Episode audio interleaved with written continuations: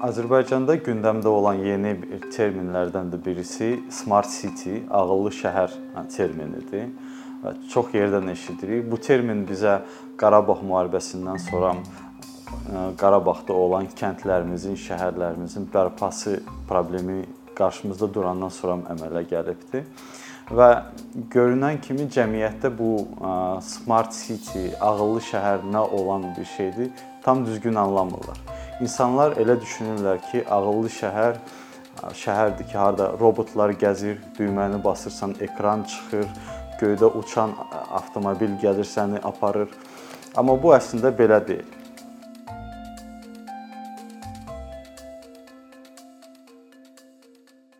Ağıllı şəhər termininin bir neçə izahı var və bunları ümumiləşdirsək, ağıllı şəhər insan yönümlü bir şəhərdir. Harda ki, insana aid, şəhərə aid məlumatlar toplanılır, analiz olunur və nəticələrə əsasən şəhər təkmilləşir və düzəlir.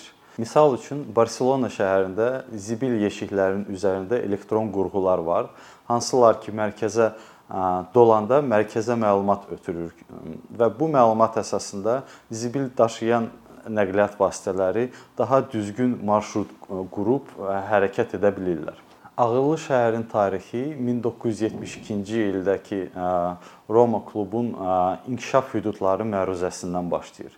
Bu məruzədə artıq qlobal istiləşmə və resursların tükənməsi problemi gündəmə qaldırılmışdı və dövlətlər əsasən ilk etapda Avropa ölkələri bunun üzərində düşünməyə başladılar və düşünməyə başladılar ki, şəhərləri necə eləyək ki, daha az enerji, resursları sərf etsin və qlobal istiləşmənin qarşısını şəhərlərdə necə almaq olar. Bu bir müddət getdi və son 20-30 ildə daha aktiv formada müşahidə etmək olar dəyişiklikləri. Keçmişə nəzər yetirsək, tarixi şəhərlər yol kəsişmələrində yerləşirdi, ya çay dəniz e, qıraqlarında yerləşirdi və sənaye inqilabından sonra hansısa bir böyük sənayenin ətrafında e, başlayırdı inkişaf etməyə. Ağıllı şəhər isə mərkəzində insan durur və əsas faktor ağıllı şəhərdə insan. Ağıllı şəhərin 4 dənə əsas faktoru var. Birinci faktor insanların komfortudur. İnsanlar şəhərdə rahat hərəkət etməlidirlər piyada.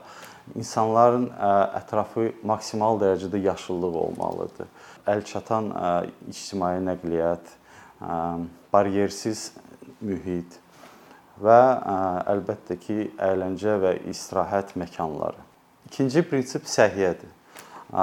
Buna aiddir yaxşı ekologiya, şəhərin yaxşı ekologiyası olmalıdır insanları fiziki məşğuliyyətlə, idmanla məşğul olmağa təbliğ etmək lazımdır və əlbəttə ki, yüksək səviyyədə olan səhiyyə lazımdır ki, insanlar sağlam olsunlar. Sağlamlıq çox vacibdir bu şəhərlərdə. Üçüncü prinsip təhlükəsizlikdir. Təhlükəsizlik deyəndə biz çox vaxt fikirləşirik ki, hər yer kamera ilə dolu olmalıdır. Əlbəttə kameralar olmalıdır, amma onlar çox olmamalıdır. Daha çox biz insanları təbliğ eləməliyik ki, insanlar çöllərə çıxsınlar, gəzsinlər, hərəkət eləsinlər və bütün şəhər nəzarət altında olsun. Bu zaman şəhərdə kriminal kriminal çox düşür aşağı. Və bir dənə də vacib məsələ var orada. O insanları təlimatlandırmalıyıq. Kritik məqamlarda hansısa bir pis hadisə baş verəndə onlar hansı hə, hə addımları atmalıdırlar ki, özlərini təhlükəsizliyə doğru apara bilsinlər. Və dördüncü faktor isə dayanıqlı inkişafdır.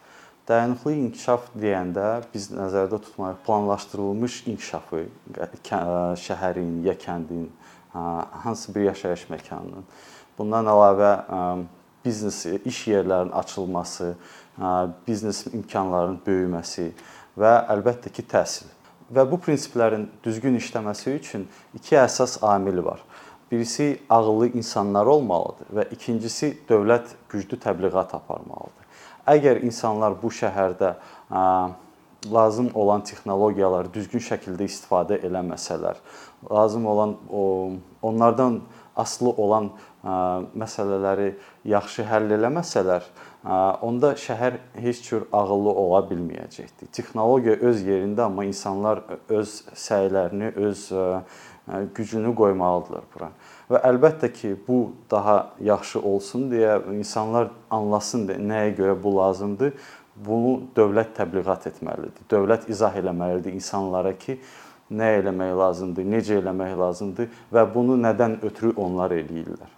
Bu olsa şəhər ağıllı şəhər sayıla bilər. Bu ağıllı şəhər praktikası artıq dünyada çoxdandan var. Öncə dediyim kimi və bu tip şəhərlər mövcud şəhərlər üzərində də qurulub və yeni sıfırdan tikilmiş şəhərlər də var. Mövcud şəhərlərdən ən uğurlusu sayılır Barselona. Ondan savayı Dubay da artıq ağıllı şəhərsə və bir sıra şimali Avropa ölkələrindəki şəhərlər, Kopenhagen, Oslo, bunlar da artıq ağıllı şəhər sayılır. Sıfırdan tikilən şəhərlər arasında biz Birləşmiş Ərəb Əmirliklərində yerləşən Mazdar şəhərini qeyd edə bilərik və Tenzin şəhəri Kitayda. Amma sıfırdan tikilən şəhərlər tam hələ ki uğurlu alınmayıb. Mazdar şəhərin özü bugünkü günə hardasa əhalisi 2000-3000 arası olmalı idi, amma halbuki hal-hazırda 300-ə yaxın adam cəmi orada yaşayır. Və bildiyimiz kimi Qarabağda olan şəhərlərimiz və kəndlərimiz də ağıllı şəhər, ağıllı kənd sistemi ilə qurulacaqdır. Hal-hazırda bizim bu yaxında təqdim olunan Ağdamın baş planına baxsaq, biz görürük ki, artıq orada əsas prinsiplər nəzərə alınıb və həqiqətən də ağıllı şəhər formasında qurulur.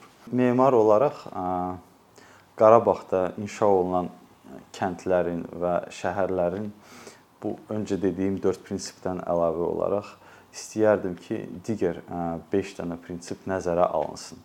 Bu landşaft və iqlimdir, iqtisadiyyatdır, ərazində olan iqtisadiyyat, insanların köçü və məşğuliyyəti probleminin həllidir bərpa olunan enerjilər mənbələridir. Bizdə orada günəş enerjisi də var, yeraltı isti suların enerjisi də var, çaylarımızın enerjisi var və əlbəttə ki, ənənəvi yerli memarlıq və yerli tikinti materialları. Qarabağa Azərbaycan Bakının kubikini daşımaq lazım deyil. Əfsuslar olsun ki, bizim digər rayonlarda bu problem var ki, hər yerə kubiki daşıyırıq və evləri kubikdən tikirik və onlar öz e, simalarını getdikcə itirirlər. Heç olmasa Qarabağda biz çalışaq e, Qarabağın ənənəvi tikinti materiallarını saxlayaq. Əkinçinin yeni videoları haqqında məlumatlı olmaq üçün kanalımıza abunə olmağı və xəbərdarlıq funksiyasını aktivləşdirməyi unutmayın.